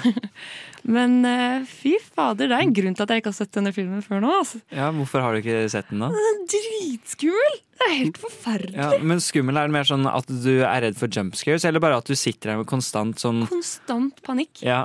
Altså, det er jo, Jeg vil aldri se den filmen igjen. Det er noe av det gufneste Du sitter jo to Det er ikke sånn at den bygger seg opp til å bli skummel. Den er permanent skummel fra start til slutt. ja, men det er dritkult. Nei! Det er helt forferdelig. Eh, nei, så jeg bare Jeg forventet på en måte akkurat det jeg fikk. Eh, og det som på en måte er litt uh, kanskje kjipt med meg som ser denne filmen så sent, er jo at jeg har sett memesene. Du vet, altså Jeg venter bare på liksom alle scenene jeg kjenner igjen. Ja. For det med Here's Johnny og eh, han lille kiden på den trehjulssykkelen og den derre Tony når han snakker med sin egen finger. Ja, ja. Som har sånn ekkel stemme. Og Red Rum. Og liksom. Men vet du hva, den fingeren, bare sånn liten fun fact der Det var eh, eh, han, eh, Danny Lloyd som fant på det med fingeren. At han skulle snakke med fingeren liksom, på, på den måten. Han kreativt barn. Ja. Ja, men det er, ehm, det er en reise. Eh, han ble gal eh, overraskende fort, er en av mine første observasjoner. Jeg trodde at det Ja, skulle det ta går, litt det går veldig fort. Ja, fordi sånn når jeg følte at nå kommer klimakset, som er når han virkelig begynner å bli fullstendig gæren, Mm. så skulle jeg bare ta på pause. Og så var jeg halvveis i filmen, og jeg var hæ? Og så var det bare en time igjen med han som bare er sånn og skal drepe alle sammen. Og jeg satt der bare sånn Åh! Og hun eh, å, Nå husker jeg ikke hva hun heter, men hun eh, kona hans. Shelly? Ja. Eller um, hva heter hun igjen i filmen? Jeg tror hun Heter hun ikke sånn? Shelly Duval som er Ja, det er hun. Ja. Hun spiller altså redd på en så skummel måte. Hun har så store øyne, og hele filmen er hun bare sånn «Ah, ah», Og liksom bare skjelver og klarer ikke å gjøre noe. Og jeg bare, Det er så frustrerende å se på, for det er bare sånn Bare løp, da! Bare gjør noe! Hun bare står der og har sånn fjes. Men syns du hun spilte dårlig? Nei, jeg syns hun spiller redd veldig bra, men det er veldig eh, frustrerende å se på noen være så lammet av Ja, skrekk. Ja, Hun ble visstnok terrorisert bak kamera også. Ja, av, men- av Kubrick, Stanley Kubrick. Mm, men hun ble jo også nominert til eh, dårligste skuespillerinnene det året. Er Og det syns jeg er helt fucked up, liksom. For det er sånn, hun spiller så bra. Eller det krever aldri- så mye energi. Jeg har og- aldri tenkt på den rollen som dårlig. ass. Nei. Nei, jeg tror bare at eh, det folk kanskje reagerer på, det er For jeg syns hun spiller dritbra redd. Jeg tror Mm. på ekte hun er livredd, men det er det at hun er redd så lenge. Så det blir litt sånn meme på slutten. Sånn når hun først eh, skjønner at han er gæren, når hun leser alle, at han har skrevet den samme sånn, setningen Mm. 2000 ganger og ikke skrevet noe bok. Eh, og det blikket hun får da, og så kommer han inn, og hun liksom rygger baklengs, og de rygger så lenge, og hun rygger opp hele trappa, Mm. og prøver liksom å slå han med balltreet, men hun er for redd til å liksom, Ja. ha noe kraft. Men- det er bra stuff! Ja, men skal jeg si deg, og grunnen for at det har blitt bra stuff, er fordi de har tatt det 127 ganger. 127 takes. På at hun rygger der. Ja. Fy Det, så det, ble, det er sånn Jeg har tatt verdensrekord på hvor mange takes med lengste dialog. da Stakkars. Men var, var ikke det en sånn Stanley Kubrick-ting å gjøre? Han skulle bare ta sånn om og om og om, om igjen helt til han var fornøyd? Jo, eller han er jo veldig, han er jo veldig kjent for å Perfeksjonist. Altså, han, mange sier at han er på spekteret. Eh, Mm. fordi han er liksom ekstremt perfeksjonist, som du sa. Um, og han tar bare sånn utallige med takes. Men han gikk veldig inn for å mobbe Shelly. Ja, som, at, eh, som at det liksom skulle At usikkerheten hennes skulle komme seg fram i karakteren hennes òg. Ja. Så hun, har bare blitt, hun spiller jo egentlig ikke. Hun har bare blitt mobbet Ja, til å bryte sammen. Liksom. jeg vet ikke om det var i tariffavtalen. Da. jeg er glad vi har sluttet med det. Ja, det var veldig trendy før. Hun mistet jo hår og sånt pga. stress mens hun var på sett. Oh, og nå er hun psykisk syk, dessverre. Så ja, jeg vet ikke om det var helt riktig måte å gå frem på. Eh, men det synes i filmen, i hvert fall, fordi hun er dritredd. Ja. Og jeg sitter jo der med henne og liksom føler på alt det hun føler. Og, og så blir jeg litt sånn overrasket, for jeg trodde ikke det skulle være liksom masse spøkelser der. Eh, Men, hva, hva sa du når du trodde at det skulle være? jeg trodde være? ikke det. Nei. Og så er det liksom bare en hel landsby av sånne spøkelser som henger på det hotellet og liksom ser Ja. på dem og, og kan det- gjøre ting, som å åpne dører og sånn. Ja, men i boka så er det Jeg har ikke lest boka, da, men jeg øhm, har fått høre at det er øh, mye mer overnaturlig. Og man Ja. blir forklart mye mer om det overnaturlige. Mens i filmen så er det bare liksom ting som er der og Ja, skjer. for jeg syns filmen i hvert fall er veldig sånn psykologisk. Mm. Den er like, om ikke mer, sånn psykologisk stre nei, stress, eh, Ja. skrekk enn en sånn eh, Mm. fysisk, holdt jeg på å si. Ja. Spøkelser og Ja. Jeg forventer ikke på noe jump scares, på en måte. Det er ikke den her type filmen. Nei. Men det er bare så guffen jeg vet ikke, Og jeg er jo uh, frilanser og skriver selv. og jeg kunne relatere litt når man begynner å bli helt gæren. og sitter med den boka si og bare Å, jeg må skrive litt, jeg må jobbe litt. Kanskje det bare er en metafor for det. Kanskje han ikke blir gæren i det hele tatt. Ja, Det, er, det er bare sånn skri writers block. Ja, Men jeg følte, Og litt sånn isolasjon på det hotellet. Og liksom, mm. det er en veldig koronavennlig film også, liksom. Ja, ja, det er det, uten tvil. Tåler tidens tann, sånn sett. Ja. Eh, men så etterpå så var jeg liksom hm, For jeg tolket den som at det var en sånn slags skildring av liksom isolasjon. eh, og hvordan, hva det gjør med oss. Mm. Men den er ikke så overtydelig på hva budskapet egentlig er. Og så googlet jeg, og da var det liksom the common på en måte, tolkning er at den handler om abuse. Og at okay. det er masse hint til at han, Ja. Jack har vært abusive lenge før, og Ja. at her blir det liksom satt på spissen. Jeg har også fått høre at det, det har vært sånn konspirasjonsteorier om at Jack eh, seksuelt misbruker eh, Danny? Ja, Danny, ja. Ja, og det eh, leste jeg også. Og det gir jo på en måte mening, for hun reagerer veldig raskt mot eh, Jack når Danny har blitt kvalt. Mm. Da er hun som en gang sånn You did this to him! Ja. Ikke sant? Og så en annen fun fact. Jeg har mange fun facts om denne filmen. her um, han, eh, Danny Lloyd, Det var hans første spillefilm, og Kubrick var sånn veldig overbeskyttende. Eh, så han var liksom utrolig redd for å traumatisere han Danny. da Ja, I motsetning til ja, I motsetning til uh, Shelly. Så når hun løfter opp eh, Danny og skal løpe ut av rommet, så holder hun en sånn life size dukke. Vet du hva? Jeg, jeg begynte å le når hun gjorde det, for han vobla så rart. ja, men da er det derfor, da. Ok, men Det gir mening. Ja. Ja, fordi da er det en par sånne ting. Og så uh, ja, Dette er jo ikke en film som man kan spoile, men i slutten så klarer de jo på en måte å rømme. Mm. uh, Danny og Shelly? Shelly? Ja, eller Wendy heter Wendy. hun. Wendy. Mm. Ja, De klarer å rømme. Og så løper han bare rundt i denne labyrinten da, og finner ingen og bare blir mer og mer gæren.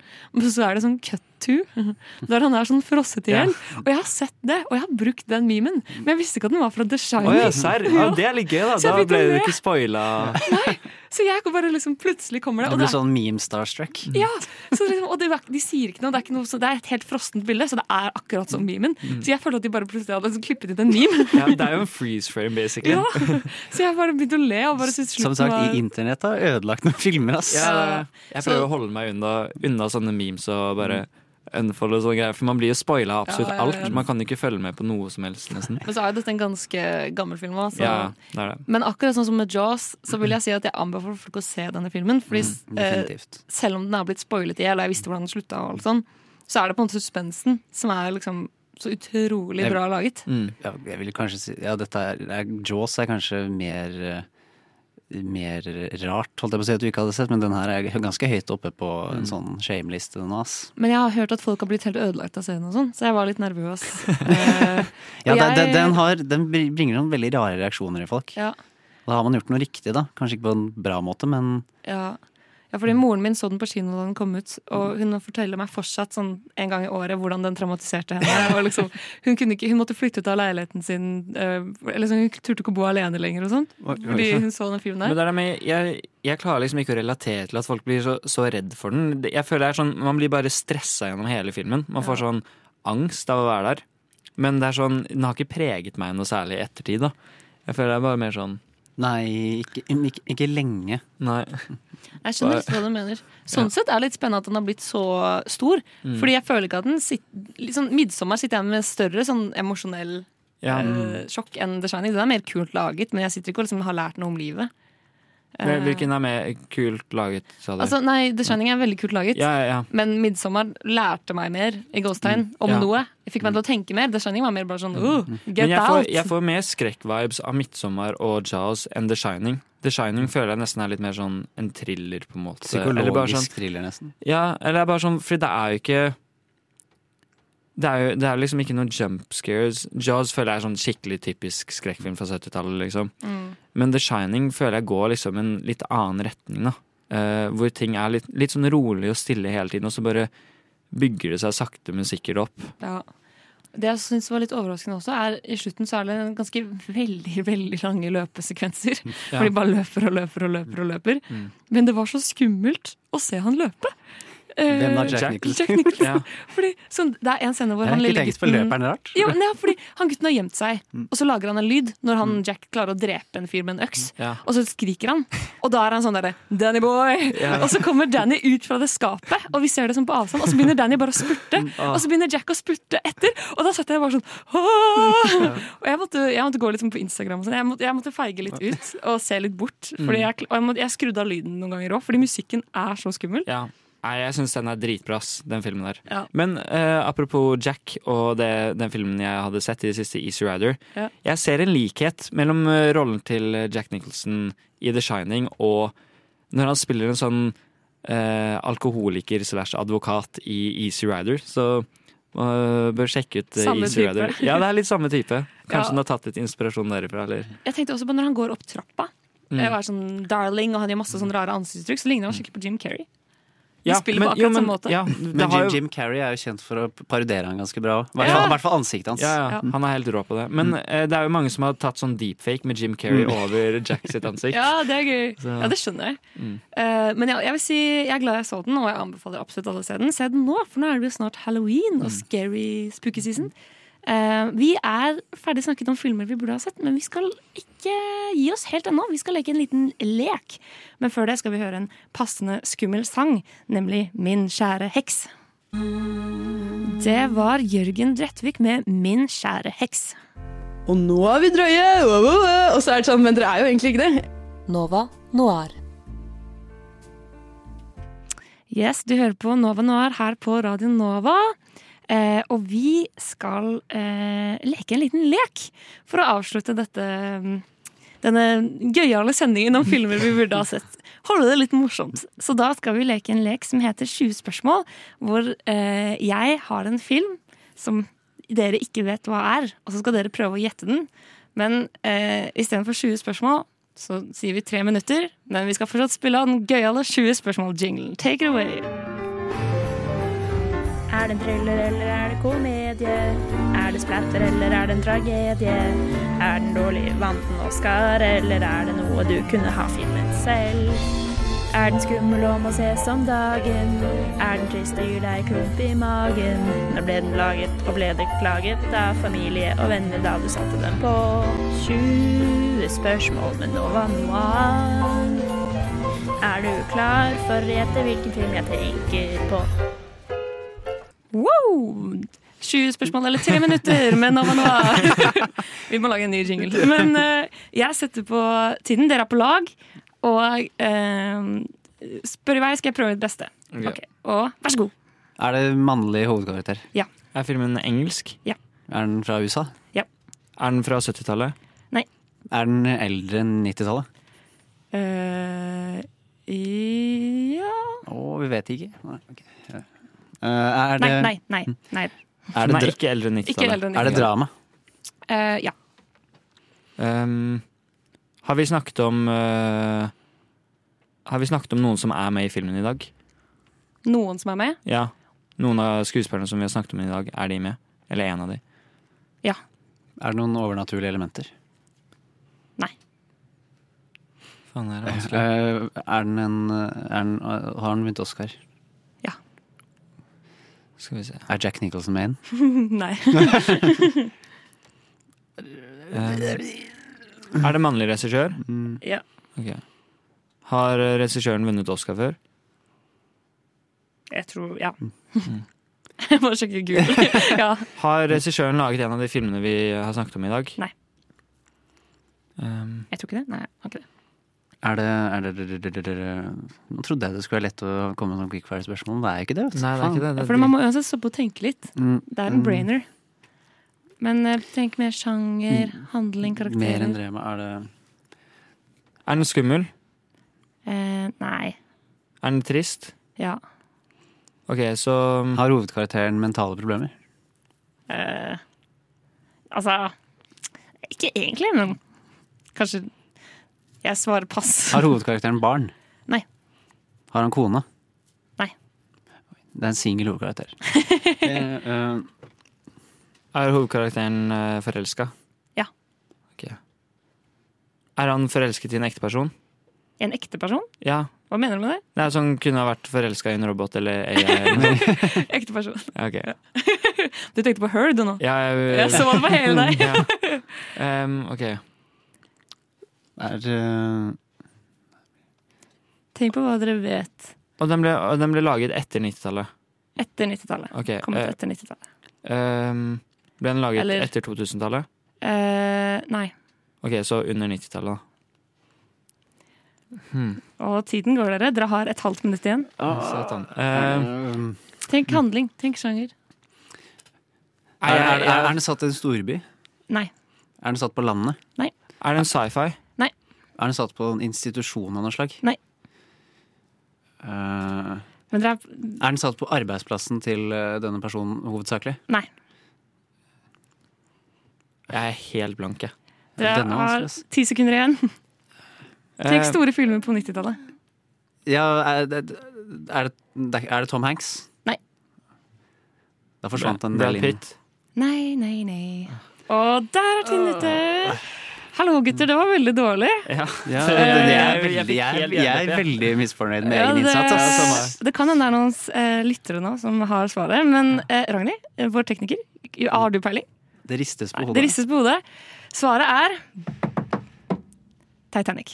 Ah. Den burde, vi snakket til og med om den tidligere. ja, for jeg Det- lurte, det er det så er så klart Når det ikke, ikke er noe på la, Når det ikke er på landet eller på, i en by, hvor er, er det verdensrommet, eller? Men du burde fortsatt på sted. Jeg følte du var på en god en der. Ja, altså, hvorfor spurte du Leonardo DiCaprio? Ja, men du spurte er det en skuespiller jeg har snakket om Ja, tidligere er i dag. Leo? Jeg, jeg bare Ja, vi fikk jo nei, vi fikk jo nei på Jack Nicholson òg. Ja, da var hvorfor, bare- hvorfor fortsatte jeg ikke å spørre om skuespillere? Men vi rekker én til. Eh, en kjapp en. Ok. Så jeg sier uh, bare go, jeg. Er det mannlig hovedkarakter? Ja. Er det en eh, amerikansk film? Ja. Er det drama? Ja. Um, Er det er, fore, foregår det på land? Ja. Ok. er det en film fra 90-tallet? Nei. 2000-tallet? Uh, ja, ish. Etter Så etter, etter 2000? Ja. Ok. Ok, Er det en del av 2010-tallet, holdt jeg på å si? Har hovedkarakteren familie? Kone eller barn? eh, Nei.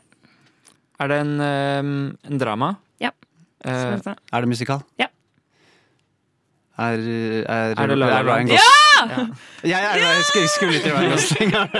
ok, da fikk vi til én i hvert fall. Den, ok, Ja. Og den klarte dere. Det var, den Ja, vi må, jeg, jeg, jeg følte vi måtte komme tilbake. Ja. Men det er litt sånn med en gang man kommer til musikal på Valen, La La Land, så er det liksom men Hvis man aldri kommer seg dit, så klarer man aldri å gjette den. Ja, det er det. Ah, men eh, ja, dere klarte å redde dere selv inn. Ja. Eh, Nå kan jeg sove fint. Ja. liksom. Eh, vi er straks ferdig, men ikke helt. Før skal vi høre en liten sang, nemlig 'Nothing Personal' av One Second. Det var 'Nothing Personal' med One Second.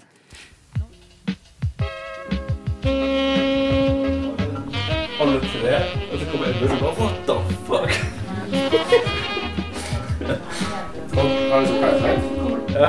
Har du sett Parasite? Du vet når hun gjør den der, den der huskeringen Å, shit, shit. Eh, n- Nova Noir.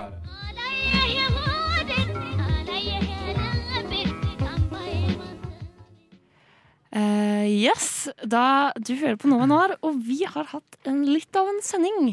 Vi har endelig fått sett uh, filmer som vi har hatt på lista lenge. Eh, hvordan føles det? Er det deilig å ha sett de endelig? Ja, jeg vil si det. Det er mange andre filmer jeg også har veldig lyst til å se, som jeg skammer over som jeg ikke har sett. Har lang liste. Jeg liker at uh, det er jo et visst sånn du legger, Man legger jo et visst press på seg selv når man sier ja til å uh, liksom utlevere seg offentlig med å se filmene, så ikke se dem. Da hadde det jo vært dårlig. Men nei, jeg angrer ikke på at jeg så noen av dem, holdt jeg på å si. Er, man blir jo litt beriket av Absolutt. alle. Men det var veldig vanskelig å filme en, finne en film du ikke hadde sett, Ludvig. Ja, det blir jeg overrasket over også. Det var, det var, det var nesten litt flaut. Har jeg sett så mye, altså. Ja, altså, vi sitter og, jeg og Lukas satt kjempelenge og var sånn Har du sett den? Den? Den? Den? Du hadde sett alle!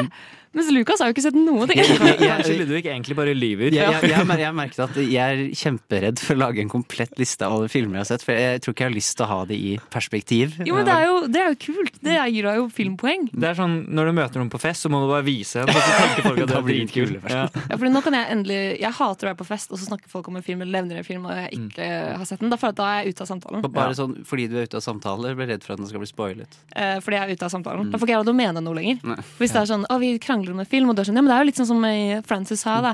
Og så er du sånn, å, men jeg har ikke sett Frances. Da kan jeg heller si, FOMO. ah, da kan du ikke uttale deg. Du liker å være på den andre siden. da. Ja, ja, ja. Mens hvis jeg er på motsatt side, så har jeg flere ganger løyet Mm, eh, om å ha sett filmer bare for å være med i samtalen videre. Og så spør de deg om et spørsmål sånn Ja, hva syns du om den scenen der? Men det er bare å si, jeg husker ikke helt. Ja. Det er liksom de, de få gangene jeg har prøvd, prøvd å lyve, så har liksom gått det, det, hvis noen, det verste er hvis noen spør deg om noe spesifikt.